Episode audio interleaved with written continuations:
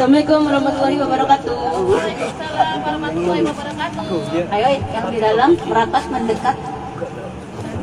Malam, Rosalia. Tidak solidar. malam malam teman-teman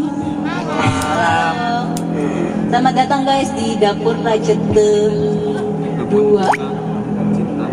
episode 2 season 2 ya kita berarti udah udah kayak sinetron ya season 2 gitu. Jadi uh, hari ini kita ada dua bintang tamu. Ada Mbak Dahlia, bintang tamu utamanya, dan ada Mbak Siska Syahena. Eh, aku mau mengenalin Mbak Siska dulu. Kalau kelihatan nih ya, yang live bisa lihat ya di belakang ini ada beberapa lukisan-lukisan Mbak Siska. Mbak Siska ini dia tuh henna artis, tapi dia juga mendesain gambar-gambarnya. Itu keren banget. Jadi kalau mau nikahan, gambarnya bisa diminta minta digambarin sama Mbak Siska. Tapi kalau cuma buat iseng doang, pingin gambar tangannya digambar-gambar juga boleh. Ya enggak Mbak?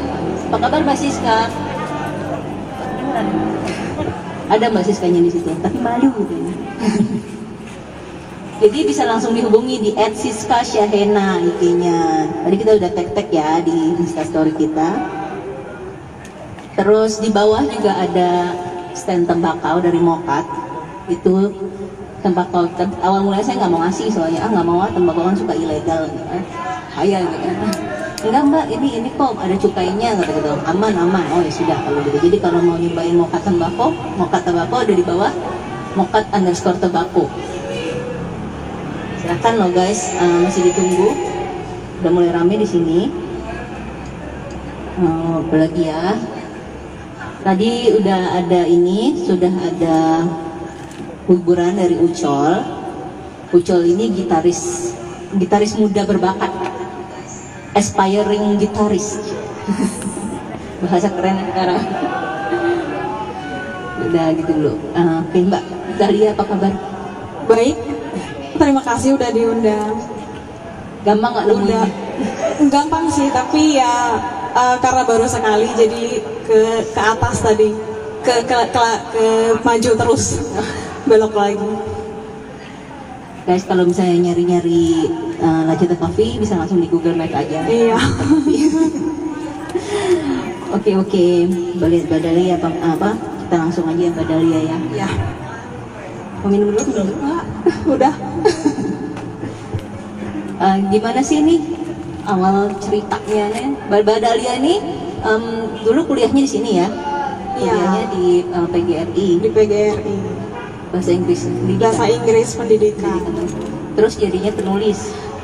ya Kayak jadi ini ceritanya? jadi Dari Bu Guru jadi Ini penulis ini ceritanya gimana ini? agak ini ya apa nggak ada rencana jadi penulis tiba-tiba saja diajak temen seniman juga eh, belajar-belajar nulis terus dikasih beberapa buku untuk baca.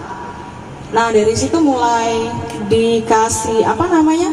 Dikasih kayak eh, rangsangan eh, bahwa penulis ini bisa menghasilkan uang. Waktu itu saya nggak percaya karena di Palembang sendiri koran-koran lokalnya itu hanya satu atau dua koran yang memberikan honor. Dan itu juga nggak seberapa. Paling 50 ribu, 100 ribu kayak gitu. Tapi karena saya kepingin banget eh, punya nama terus nama saya di koran gitu kan. Kalau anak pertama yang baru belajar nulis eh, namanya tampil di koran itu rasanya gimana gitu ya mbak? Kebanggaan ya. jadi iya jadi jadi langsung langsung nulis eh bisa bisa bisa ini bisa bisa masuk kayak gitu. Nah terus saya berprosesnya di Jogja eh, tapi sebelumnya saya ini duta bahasa 2007 untuk. Palembang jadi bahasa Palembang. Jadi, Duta bahasa Palembang. duta bahasa duta bahasa eh, dari Palembang Oke, dari duta bahasa Indonesia. Duta, ah, iya, duta bukan, bukan, bukan. Jadi setiap provinsi itu ada duta bahasanya Oke, oke, oke. untuk dikompetisikan lagi di Jakarta. Nah, kayak gitu waktu itu saya 2007-nya. Dua, eh, 2007 itu tahun kedua. Ah, jadi saya banyak berproses di, saya juga menang lomba di Kemendikbud misalnya kayak pariwisata segala macam esai-esai yang kecil-kecil di koran-koran lokal kayak gitu. Ah, dari situ mulanya saya ah, mut-mutan karena apa nggak seberapa ya nggak ada nggak ada uangnya ya jadi mut-mutan eh, akhirnya eh, nyambi jadi guru kayak gitu. Tapi karena tiba-tiba kenal lagi sama temen yang penulis juga jadi saya terdorong lagi akhirnya ngambil komit ngambil ngambil konsistensinya di, di di penulisan sampai sekarang. Jadi punya novel punya kumpulan cerpen dan mungkin nanti insya Allah akan menerbitkan novel yang yang terakhir. Yang yang yang delas delas Gue yang terbaru yang terbaru jadi eh, saya sebenarnya eh, bukan ini ya bukan sa- sa- saya eh, hanya prihatin saja kalau di Palembang ini eh, belum memiliki eh, cikal bakal penulis muda yang yang yang maksudnya yang yang yang bisa di di benar-benar di kuat ya benar-benar bisa dilihat. Eh, hanya ada satu tapi hanya ada beberapa maksudnya tapi ya ya, eh, ya kurang ini juga sih kayak gitu. Jadi memang saya sangat mengharapkan eh, di Palembang ini bisa bisa menelurkan banyak penulis-penulis kayak gitu. Kalau misal kafe ini dijadikan semacam ruang diskusi misalnya untuk untuk untuk eh, bedah buku segala macam ya aku pikir bagus bagus juga sih Iya, jadi jadi misalnya kalau ada ada komunitas-komunitas sastra yang ingin eh, eh, punya ruang diskusi, aku pikir kalau LACT bisa me- mempersilahkan Oh, boleh. nanti bisa diteruskan. Boleh-boleh aja sih, kita sih open-open aja Kalau mau berdiskusi, kita kan memfasilitasi teman-teman yang emang uh, punya apa sih kayak mungkin berminat untuk nulis ya untuk menulis tapi agak-agak nggak tahu nih mau mulainya gimana makanya aku ngundang Nalia nggak tanya-nanya mbak kok bisa bisa akhirnya mulai menulis itu? Ya jadi mulai belajar nulis tuh pasti di, di Palem, udah di Palembang atau pas baru ke Jogja atau udah dari sini? Eh, jadi prosesnya di Palembang waktu itu 2007 udah mulai nulis, tapi eh, di Palembang suasananya udah nggak nggak nggak nggak nggak sesuai denganku. Jadi aku hijrah ke, ke Jogja, hijrah ke Jogja menyelesaikan novel tahun 2010. 2010 Jadi memang tiga tahun stagnan tidak menulis. 2010 mulai nulis lagi. Eh, 2013 ada lomba lomba novel apa novel Balai Bahasa Yogyakarta. Nah waktu itu aku ikut, tapi nggak berharap menang karena saya pemula. Jadi memang memang benar-benar apa namanya eh, orang yang orang yang kayak kayak apa ya kayak nggak nggak mengharap keberuntungan ini ini aja sih kayak judi-judi aja. Eh tapi akhirnya menang ya udah jadi apa novel terbaik eh, tahun 2014 perempuan memetik mawar. Perempuan memetik mawar. Itu gosip-gosipnya ya mbak ya. Aku dengar-dengar itu katanya itu skripnya hampir tidak diterbitkan karena ketemunya di gudang. Tahu. Aku ada iya iya iya benar. Iya itu karena saya sangat minder dan maluan ya nggak saya merasa bukan penulis. Maksudnya ini nih nggak fit ini ini belum selesai novel ini gagal. Nggak ada ceritanya bisa kelar kayak gitu. Karena aku urus urus banyak hal kan. Tapi tiba-tiba disuruh temen itu udah nggak apa-apa langsung aja nggak usah pikirin yang kayak kayak gitu. Ya akhirnya aku coba eh, cetak beberapa eksemplar terus aku kirim untuk ikut lomba gitu aja itu di Jogja mbak di jadi Jogja itu eh, yang bantu itu yang mulai menolak mbak bilang kan yang bantu itu ada satu, salah satu teman penulis ya Iya. kan? nah siapa ya mbak ya salah satu nama nama nggak? siapa oh, salah maksudnya teman penulis oh iya ah jadi biar tahu mentornya itu siapa Oh oh, di iya, Jogja gitu. mentor saya tuh sebenarnya suami sih suami. Jadi eh, suami saya juga penulis. eh, jadi dia yang memberikan dorongan ya buat itu diter, buat itu terbit dan ikut lomba. Eh, tapi jadi kami kami banyak berdiskusi karena suami juga sastra di sastra jadi jadi saya saya eh, lebih sering ber, berdialog tentang sastra daripada tentang hal-hal yang lain. Jadi kebanyakan masukan itu ya dari dia.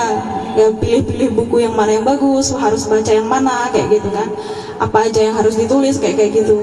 Jadi memang suami yang yang lebih banyak memberi apa eh, memberi saran dan dan masukan untuk untuk jadi penulis yang yang yang baik seperti apa. Jadi ini orang terdekat ya. Iya, iya orang terdekat. Nah, berarti apa kayak buku-buku gitu ada buku-buku favorit atau mungkin inspiring authorsnya sendiri apa mungkin kan beberapa penulis misalnya terinspirasi dari buku ini bagus banget nih tulisan ini Mbak Dahlia sendiri ada nggak ini apa personal reference baca-baca? kalau saya tuh semua buku saya baca ya. Misalnya karena saya bahasa Inggris, saya suka baca buku sastra Inggris kayak dari Charles, Charles Dickens, terus apa namanya eh, kayak eh, apa Laura Ezekiel, terus juga si apa banyak macam eh, beberapa buku kayak Odyssey segala macam dan eh, Mutual Friend yang saya bisa baca ulang-ulang lagi karena waktu itu minim kan minim buku saya tuh beli waktu waktu kuliah.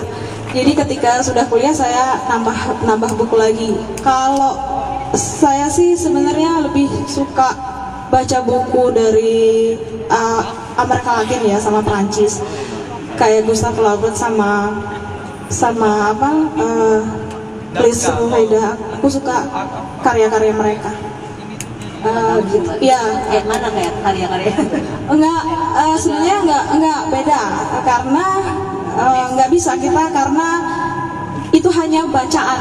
Bacaan aja nggak boleh nggak boleh diikutin gimana cara mereka menulis atau apa. Kita hanya bisa eh, bisa me- mengambil apa yang mereka ingin komunikasikan aja ke kita tentang tentang negara mereka tentang bangsa mereka Oke, tapi kalau gaya menulisnya sendiri beda. saya sendiri kalau gaya menulis saya tidak tidak mau ikut ikut. Walaupun saya banyak baca tapi saya tidak mau mengikuti eh, menjiplak eh, mentalitasnya pengarang-pengarang lain. Ka- karena itu akan meruntuhkan maksudnya itu akan membuang eh, jati diri saya sebagai karakter saya sebagai penulis. Jadi saya memang harus menemukan karakter pribadi karakter yang memang kuat di diri saya jadi ha- nggak nggak boleh Eh, bacaan nggak boleh menjadi semacam apa alat jiplak untuk untuk membuat kita bagus. Tapi kita harus menemukan diri kita sendiri Eh, walaupun itu jelek tapi diri kita sendiri itu Itu terbentuk ya mbak ya kayaknya. ya terbentuk. Pelan-pelan. eh, apa ya itulah. Karena harus banyak baca. Penulis kalau nggak ada ini kan ada buku nih aku lihat Nah ini ini pertanda intelek intelektual. Maksudnya eh, jarang loh ada di rumah-rumah itu satunya satu buku. Apalagi perpustakaan pribadi yang mungil.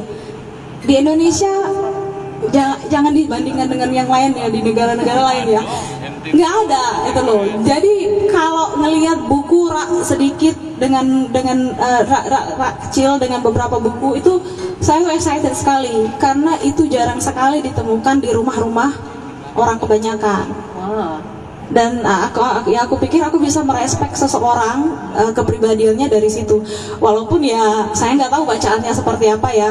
Uh, ya tapi saya bisa merespek seseorang itu dari beberapa buku yang dipajang di rumahnya Oh. jadi ya sudut pandang saya seperti itu kalau saya masuk ke rumah orang melihat ada beberapa buku yang menurut saya itu menandakan bahwa dia ini adalah seorang uh, pengolah rasa, pengolah pikir kayak gitu. Oh. Guys, take notes ya. Kalian tuh harus rajin-rajin membaca. Katanya sih minat bacanya katanya. Aku juga nggak tahu ya. Soalnya aku aku suka membaca. Jadi eh, kalau dibilang minat baca orang Indonesia tuh rendah sekali. Bilang aku enggak. Aku kan orang Indonesia. Aku. Katanya gitu mbak. Bawah rata-rata sih sebenarnya mbak, karena ini memang kenyataan yang memang harus kita kita harus akui ya. Kita bukan budaya literasi kita lemah, Le- lemah sekali budaya literasi kita tuh nggak ada. Kita hanya dapat pengajaran pelajaran itu dari sekolah, jadi nggak nggak nggak nggak nggak apa namanya nggak di tempat-tempat lain kayak gitu. Dan orang sekarang lebih baik beli baju daripada beli buku kan.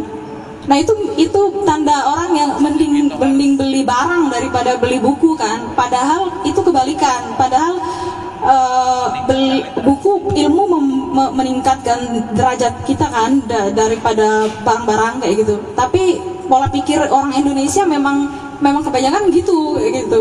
Jadi agak sulit juga sih. Tapi ada juga loh mbak yang apa dia tuh beli buku ya beli buku aja dibaca juga Ida gitu. ah. Banyak. Ayo. Itu buang-buang juga namanya. Iya beli buku.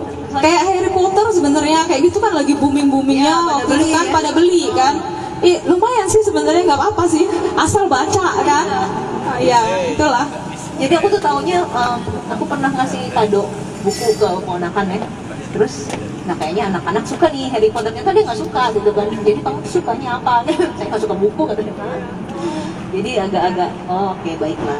Berarti dia sebenarnya Harry Potter yang istilahnya lagi booming-booming juga tidak terlalu di ini ya, ya? tidak. T- tidak terlalu orang lebih suka film sebenarnya Ya, lebih suka ke filmnya lebih enak nontonnya kan? lebih enak nontonnya pembaca buku itu punya apa ya punya eh, sedikit ke kecenderungan yang aneh. Maksudnya dia tuh biasanya penyendiri dan dan iya penyendiri dan tidak tidak lebih suka bergaul. Mending mending di kamar baca kayak gitu. Ada kecenderungan kayak gitu sih. Nah mungkin aku seperti itu. Aku yang jarang bergaul dan aku lebih sering ke toko buku beli apa aja buku apa aja pokoknya terus aku baca di rumah daripada aku main sampai malam atau sampai sore kayak gitu kan sama teman-teman. Kalau nggak penting-penting amat nggak keluar. Mungkin itu yang yang jadi jadi apa ya jadi eh, jadi jadi ini aja da- dasar dasar eh, bagaimana menjadi penulis yang lebih konsisten kayak gitu. Heeh. saya jadi saya tuh kalau ke kantor saya bukan orang kantoran karena kan- kantor bagi saya eh, tidak menghidupkan jiwa saya. Jadi makanya saya nggak pernah bisa jadi PNS nggak pernah bisa jadi apa orang orang BUMN misalnya atau kerja di toko-toko atau di apa. Karena saya pertama orang yang bukan terikat tidak suka terikat dengan kontrak kayak gitu. Ya memang memang bebas merdeka. Nggak bisa diatur-atur misalnya kalau mau bacanya waktu makan saya saya baca waktu di meja makan kayak gitu. Walaupun misalnya orang tua marah nanti aja dulu makannya dulu baru baca. Kalau aku lagi mau baca aku nggak bisa. Mending mending aku nggak makan gitu loh. Nah yang kayak kayak gitulah jadi memang agak aneh agak ganjil. Tapi tapi ya aku syukurin aja sih. Tapi sebagai penulis itu apa berarti mbaknya nggak terikat kontrak dengan publisher mana pun ya? Nah, Eh, bisa ngomong tentang publishernya nih. publisher ya. Eh, aku nggak nggak mikirin publish publish sih sebenarnya waktu itu berkarya dulu aja. Eh, ter- kan sekarang publish udah udah mudah banget ya udah tinggal lempar aja siapa yang mau nih. Ah, kayak gitu. Nggak usah nyari nyari pokoknya siapa yang mau aja. Karena publish sekarang kan banyak yang indie jadi nggak harus lari ke mayor. Nah eh, jadi aku memang orang yang tidak excited untuk menjadi terkenal. Ya, tidak excited untuk bahwa ini aku akan jadi penulis atau aku akan punya nama. Nggak nggak. Aku sama sekali nggak mikir sama sekali nggak mikir itu. Nggak ada pikiranku untuk bahwa aku jadi akan akan punya novel atau akan punya kumpulan cerpen nggak mikir. Jadi cuma nulis aja mengalir mengalir terus tiba-tiba ada novel terus tiba-tiba ada beberapa cerpen kayak gitu nah urusan urusan publish urusan teknis. Jadi ada temen yang yang me, me- apa mengurusnya itu kayak gitu. Jadi terus berkarya aja ya. terus berkarya aja. Ya. tapi kalau misal ada teman-teman yang suka nulis di sini ya mungkin saya bisa bisa bantu publishnya. Oh, kalau misal mau publish.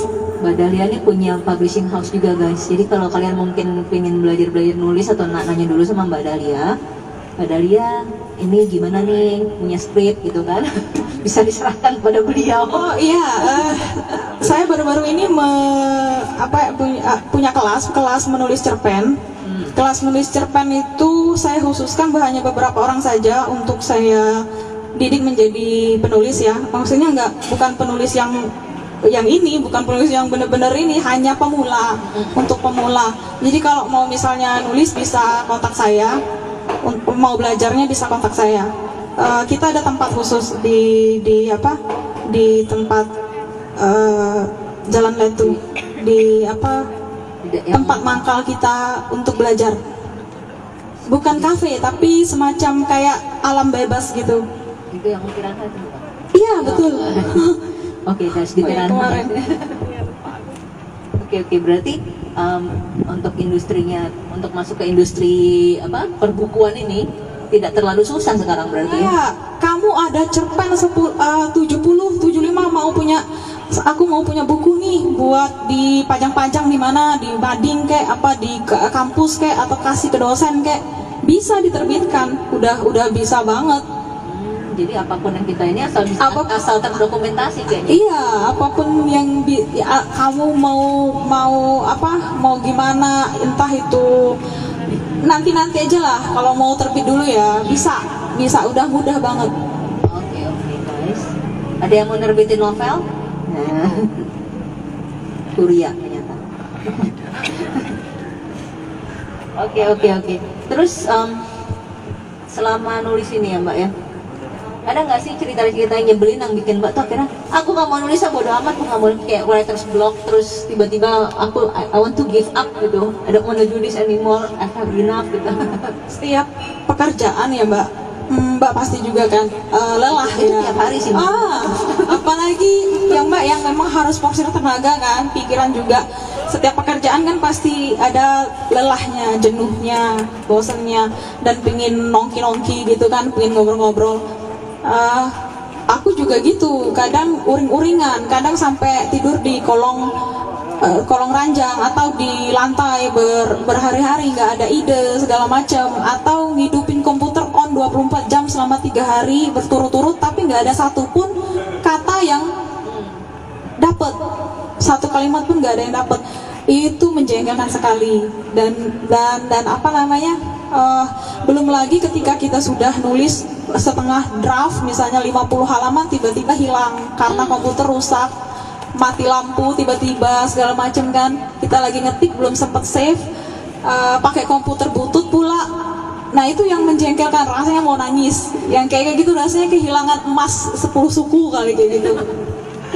Ya beneran. Jadi kalau misal kalian eh, misalnya kalian tuh seneng komik nih eh, kayak kalian bikin komik kan susah misalnya kayak gitu kan. Eh tiba-tiba eh, basah kena apa kena air kena apa kan nggak ada ketumpahan apa. Kan pasti rasanya kayak kayak apa ya kayak eh, sama nggak nggak ma- mati mati mati mati pikiran mati perasaan gitu loh. Kayak putus cinta gitu loh. Ya Allah. Tapi kayaknya udah dibandingin apa nggak enak enaknya banyak enaknya kayaknya mbak ya. Eh, eh, jadi gini, kalau penulis itu nggak ada duitnya mbak. Jadi enaknya itu sebenarnya. gitu ntar pada kagak mau jadi nulis lagi. Tapi ada yang bermiliar-miliar kayak Andre Hirata itu kan punya banyak duit Iya. kan. Iya, ada juga kayak Terelie juga ada kan itu. Em, kalau aku sendiri pribadi nggak nggak or- bukan orang kayak gitu karena karena aku lain aliran gitu loh, lain aliran. Gimana tuh mbak alirannya? Aliran sesat. Al- aliran yang aliran yang nggak ada duitnya. Maksudnya aliran yang ya paling dapat dari honor koran kayak gitu kan. Terus dari penjualan buku beberapa eksemplar cuman kayak gitu. Nggak nggak ada yang nggak ada yang wah kayak gitu. Diterbitkan juga bukan penerbit mayor penerbit indie kayak gitu kan. Jadi eh, profesi kayak kayak kayak aku ini nggak nggak ada bener-bener bukan bukan untuk jalan jalan penghidupan ini nih ini ini main main tapi ah, serius. Main-main tapi serius tapi harus benar-benar dijiwai kayak gitu loh. Nggak menghidupi kita tapi kita yang menghidupi dia. Jadi kayak kayak kita semacam uh, harus berjuang dan berkorban penuh untuk ini. Bahkan mengabdikan diri kita ke sana kayak gitu. Kayak volunteer volunteer yang ke mana gitu kan yang rela nggak digaji apa nggak dikasih makan kayak gitu. Tapi mereka harus karena tuntutan jiwa nah kira-kira aku di posisi itu kayak gitu berarti lebih ke arah apa? Apa apa ya kalau misalnya kalau bahasa Inggrisnya what you do what you really love ya? Nah, ya, ya jadi non komersil. Aku aku nggak bu- bukan orang yang apa ya, bukan orang yang eh, ngejar kekayaan di di, di di kepenulisan, di kepengarangan. Nggak ngejar duit di sini, nggak nggak ngejar nggak ngejar kekayaan. Jadi kita yang kita yang memang ha- kita yang harus bertumpah ruah di situ. Tapi aku jadi bingung. Kalau misalnya nggak ngejar duit terus ngapain kerja mbak? Iya, saya kerjanya kerja lain, eh, dagang kayak gitu. Jadi untuk menghidupi ya dagang sama publisher. Jadi nggak Oh. penulis pa- Oke, oke. publisher kan eh, banyak teman-teman yang self publishing ke ke kita jadi di situ di situ yang jadi jobnya Oke, duitnya di situ duitnya di situ Eh, kalau kalau novel cerpen aduh nggak usah di nggak usah di ini itu itu cuman main-main aja Iya. Iya maksudnya Main-main main-main serius ya? main-main serius Boleh lah, boleh lah. yang penting apa gerakan intelektualismenya senang kan. seneng Gak ya. ada no regrets ya mbak ya? Maksudnya No. nggak menyesal sama sekali. no never never regret forever Tahu gini gue gak mau jadi penulis nggak ada duitnya. Males Bi- ya. kamu bisa bisa eh, bisa bisa ada duitnya kalau misal memang tulisan kamu itu disukai banyak orang. Masyarakatnya suka baca kayak kayak gitu kan. Dan dan asik kayak nggak nggak berat-berat amat kayak gitu. Bisa aja. Banyak yang suka. Dan bisa aja lebih lebih dari berapa ribu eksemplar diterbitkan di Penerbit Mayor. Nggak nggak usah putus harapan. Eh, mumpung karena karena yang diundang adalah penulis kiri kayak saya. Maksudnya penulis yang memang eh, lebih mementingkan Idealis ini idealis. ya gitu gitu jadi ya Bahasa jadi, keren ya. jadi jadi saya hanya memberikan siapa saya bukan siapa mereka siapa penulis yang lain kayak gitu Tapi banyak juga penulisan seperti itu mbak. banyak banyak eh, banyak sih Eh, tapi memang memang me- mereka berbakat kan? Berbakat di segmentasinya. Mereka berbakat misalnya di cerita anak di cerita remaja di novel percintaan. Mereka berbakat di situ kan? Yang lebih banyak penggemarnya. Kalau saya kan nggak berbakat di situ.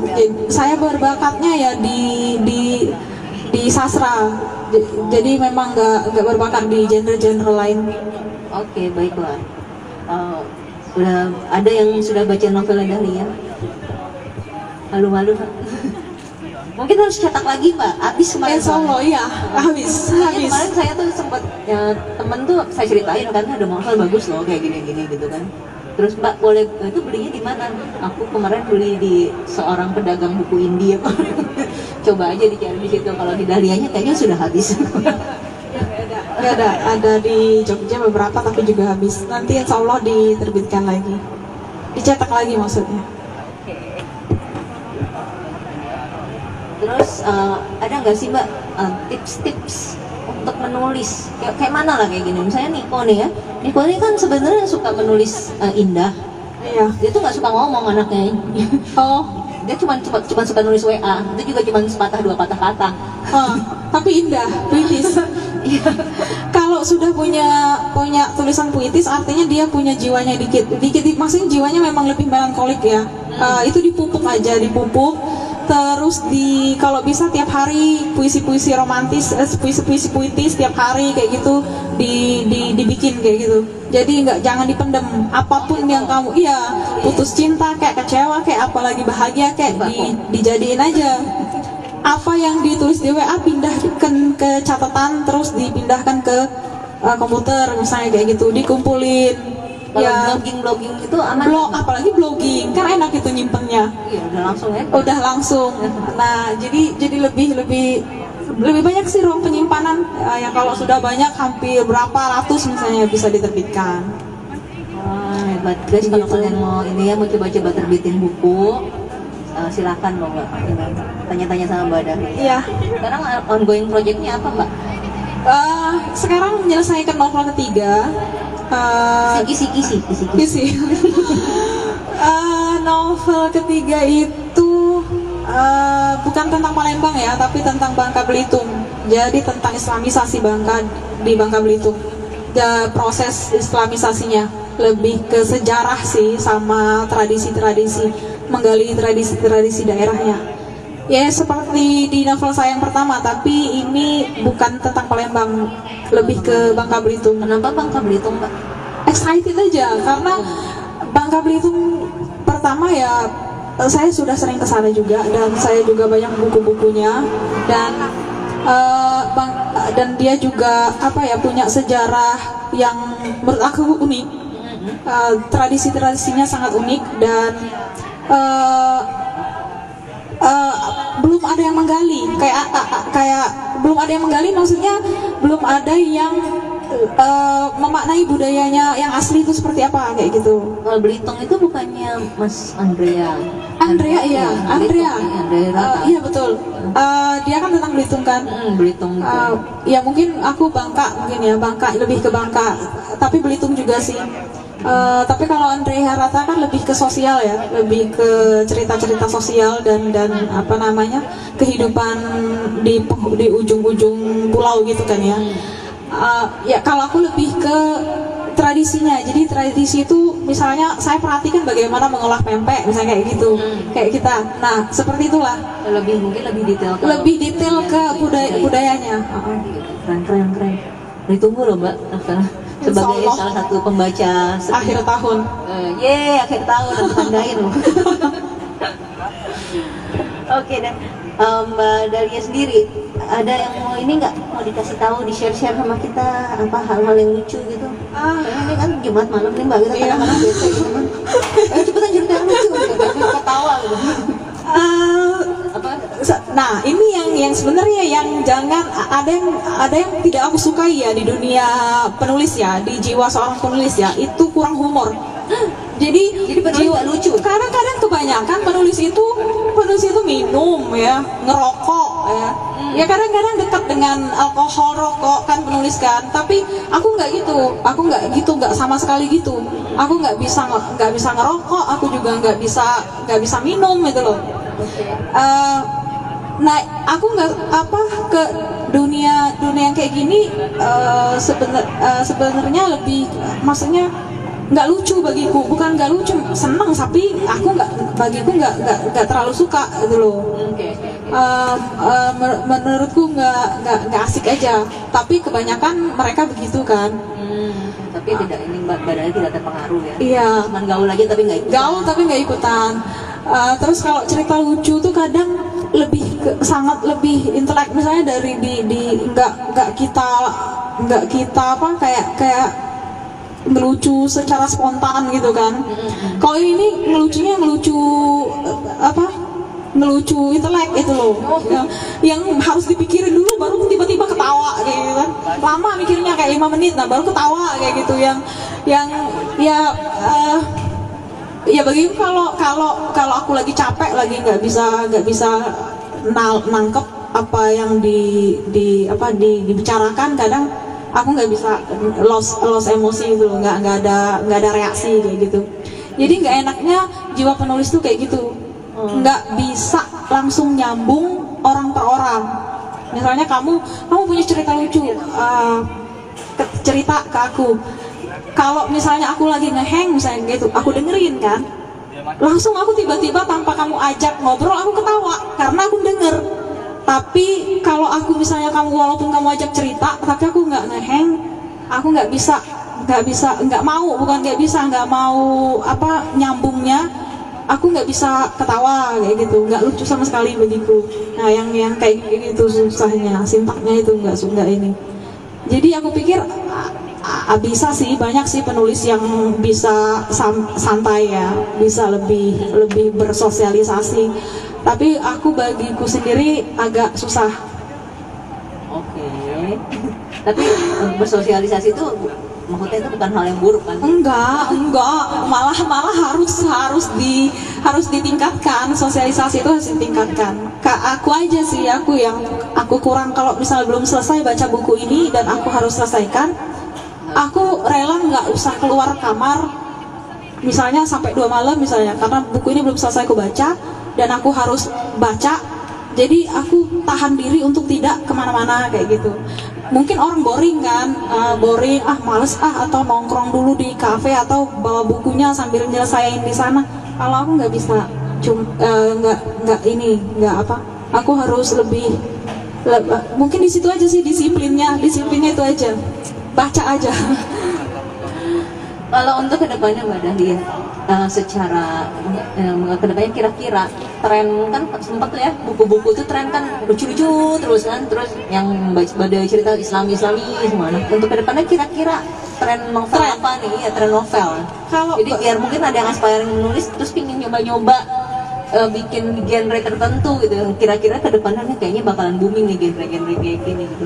Semua genre sebenarnya bisa aja punya peluang booming ya mbak asal baru dan segar kan sebenarnya eh, kita tetap, ada semua genre kayak komedi sebagai macam segala macam eh, percintaan segala macam romance kan.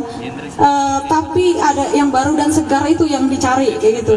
Jadi nggak ada nggak satu-satunya orang itu aja yang yang nulis. Nah, tiba-tiba kan ada orang lain yang menawarkan ide baru dan ide yang segar eh, dan lebih bagus lebih lebih memikat ya bisa booming kayak gitu. Jadi nggak kita nggak jangan terpaku pada pasar. Eh, maksudnya ini lagi lagi template lagi keren nih lagi booming nih ikutan. Jangan terpaku dengan itu. Kalau misal kita nggak bisa itu nggak usah di, dimampukan. Kalau misalnya kita seneng romance tema percintaan silakan aja. Kalau mau percintaan remaja percintaan dewasa kalau misalnya memang kita eh, hot di situ ya udah di situ aja di iniin. Jadi jangan ikutin pasar yang penting nulis aja berkarya. Soalnya kan ada ada penulis yang misalnya ya karyanya kayak gitu-gitu aja menurut saya. Diterbitin ulang lagi dengan cerita lagi cerita baru dengan apa? Dengan judul baru kayak gitu lagi. Iya. gitu kan. jadi lama-lama kayak bosannya tapi diterbitin terus ini nih kayak gini. ada yang kayak ada yang kayak gitu. Kalau mbak sendiri suka apa buku apa? Gantian dong, masa aku yang ditanya terus. Oh, apa nih? aduh aku apa ya aku aku baca juga sih Mbak, baca semua Wah, ya, ya, gitu. apa? aku sendiri aku sukanya siapa ya aku tuh suka si siapa tuh yang buku yang black cat itu yang dark dark gitu Oh, oh ya, ada- ini apa? eh, Alan Eger, Eger Yes, Alan Poe. As- Alan Poe, Alan Poe. Ya itu bacaanku juga, tapi dulu tapi Agak-agak serem-serem horor. horor, gitu serem-serem ya. horor. Iya. Kadang udah ada filmnya kan ada orang senang filmnya daripada bukunya. Aku baca bukuin dulu soalnya. Oh iya, Dan itu kadang-kadang kalau misalnya sudah baca ya, terus filmnya filmnya muncul, filmnya muncul. terus kita compare dong. Iya, compare. Compare gak? Nah, ah, iya kalau misal compare ya, ini ini hanya ini aja. Kalau kayak Harry Potter itu kan filmnya lebih seru mana dari, eh, dari, dari novelnya, lebih novel atau film? Jujur ya, kalau eh, untuk untuk enggak kayak kayak Harry Potter itu film yang bagus. Film imajinasi imaj- imajinasinya lebih hidup daripada bukunya. Karena bukunya juga terjemahan kan, jadi agak amburadul juga bacanya. Kalau misal aku lebih suka baca bahasa Inggrisnya daripada terjemahannya, karena lebih imajinasinya lebih lebih bisa aku nikmati. Makanya ada beberapa yang lebih bagus novelnya daripada eh, filmnya kayak gitu. Pramudia Anantatur yang sekarang kemarin eh, apa sih pak? Film film Pram Bumi Manusia yang digarap oleh Hanung itu ya bagus sih ba- bagiku bagus juga sih tapi aku lebih lebih menikmati novelnya. Karena cara ber, bertutur cara berbicara cara eh, mengungkapkan gaya ungkapnya si Pram itu tidak bisa di tidak bisa disandingkan dengan narasi filmnya nggak bisa. Iya sih. itu aja. Ah, Kadang-kadang itu kelebihan kelebihan penulis penulis idealis itu. Ketika gaya narasinya itu nggak bisa disandingkan dengan eh, apa ini produk produk karya apa, apa pun kayak gitu. Produk budaya apa pun kayak film seni musik segala macam eh, nggak bisa nggak bisa di nggak bisa disamain. Aku pikir itu karena ini enggak sih mbak? Kayak kalau baca kita kan lebih apa lebih berimajinasi ya? Iya. lebih menggunakan imajinasi sedangkan kalau di film kita kan sudah sudah disiapkan imajinasinya seperti ini loh gambarannya. Iya. dan imajinasi orang apa si scriptwriter ataupun si sutradara kan mungkin beda sama beda ah, jadi iya. mungkin nggak sama. Itu sama. sih yang kadang-kadang suka males. Saya jadi suka males nonton kalau sudah baca iya. bukunya iya malas iya tapi ada memang yang lebih bagus filmnya. Ya kayak Ah. Harry Potter itu. Kayak Harry Potter kayak punya pu- iya itu. Lord of the Ring gitu. Lord of the Ring. Ya itu kayak kayak gitu. Lebih bagus filmnya. Seru filmnya.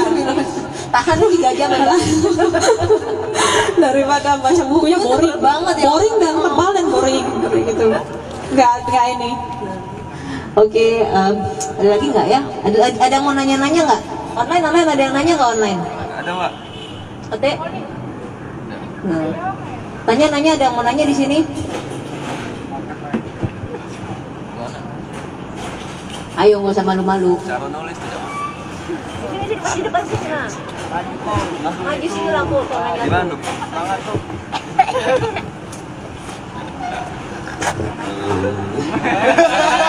Mbak, mau nanya Silakan. kalau kalau mau nulis tuh awalnya harus gimana gitu? Oh, mau awal menulis? Ya awalnya kayak ada struktur-strukturnya mungkin. Menulis apa nih? Puisi atau cerpen? Cerpen, cerpen. Oh, eh, kalau kalau cerpen aku pikir ap- cerita apa yang mau kamu bawakan, yang mau kamu sampaikan. eh, eh, susah, susah juga ya cerita apa dulu? Ditemukan dulu itu. Ditemukan dulu apa ceritanya. Terus apakah apakah eh, si- eh, apakah kamu mau mencita, menceritakan tentang tentang apa namanya? Eh, eh, eh, konfliknya seperti apa kayak gitu kan itu harus diketahui dulu. Misalnya tentang keluarga kamu harus me- menjabarkan tentang anggota-anggota keluarga kamu siapa aja misalnya kayak gitu. Eh, terus alurnya seperti apa. Me- kalau misal kamu punya konflik di situ kamu harus kamu harus jujur konflik konfliknya seperti apa?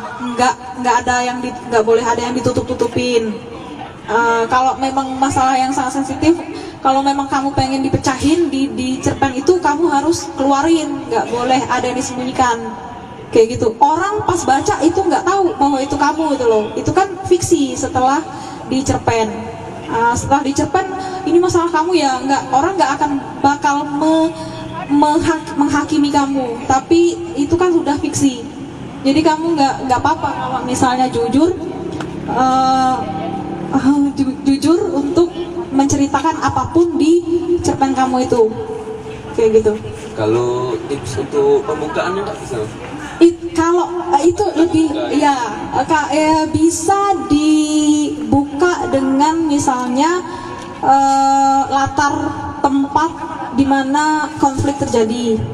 Atau misalnya masalah yang lagi kamu hadapi bisa kamu buka dengan itu. Atau dengan eh, karakter tokoh yang kamu tonjolkan. Misalnya kamu suka dengan tokoh utama ini kamu tampilkan dulu karakter itu. Misalnya di pertama ya di awal-awal paragraf. Jadi bisa tinggal kamu pilih apakah latarnya apakah konfliknya apakah tokoh-tokohnya yang bisa kamu kedepankan dulu. Kayak gitu. Nah jadi nanti pas kamu lebih enjoy pertama udah udah bisa nanti akhir-akhir kamu berjalan sendiri. Oke, makasih Mbak. ya Kalau zaman zaman zaman sekolah kan kalau nulis tuh ada struktur penulisan mbak. Ya itu ada.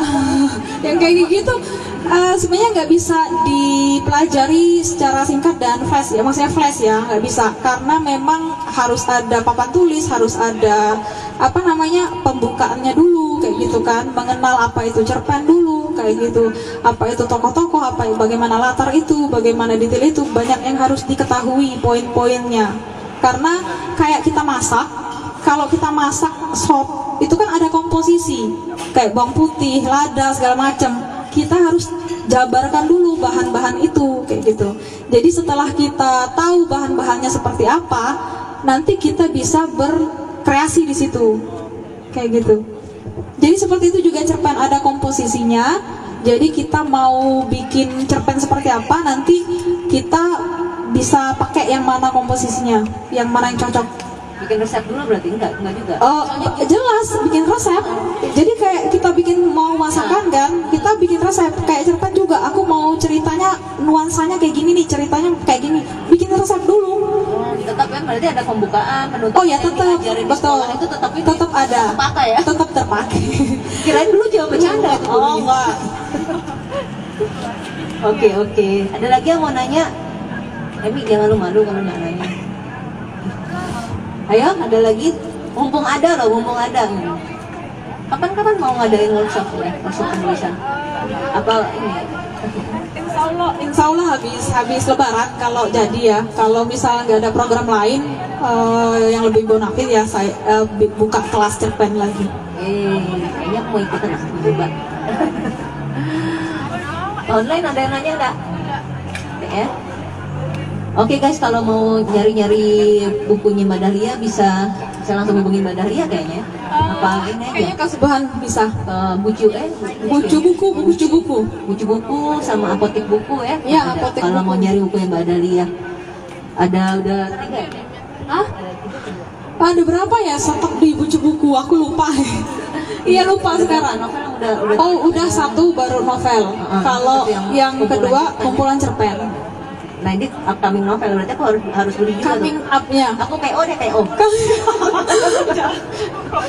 Kalau udah di PO siapa tahu semangat nulisnya. Iya, iya biasanya gitu. Insya Allah. Oke oke baiklah.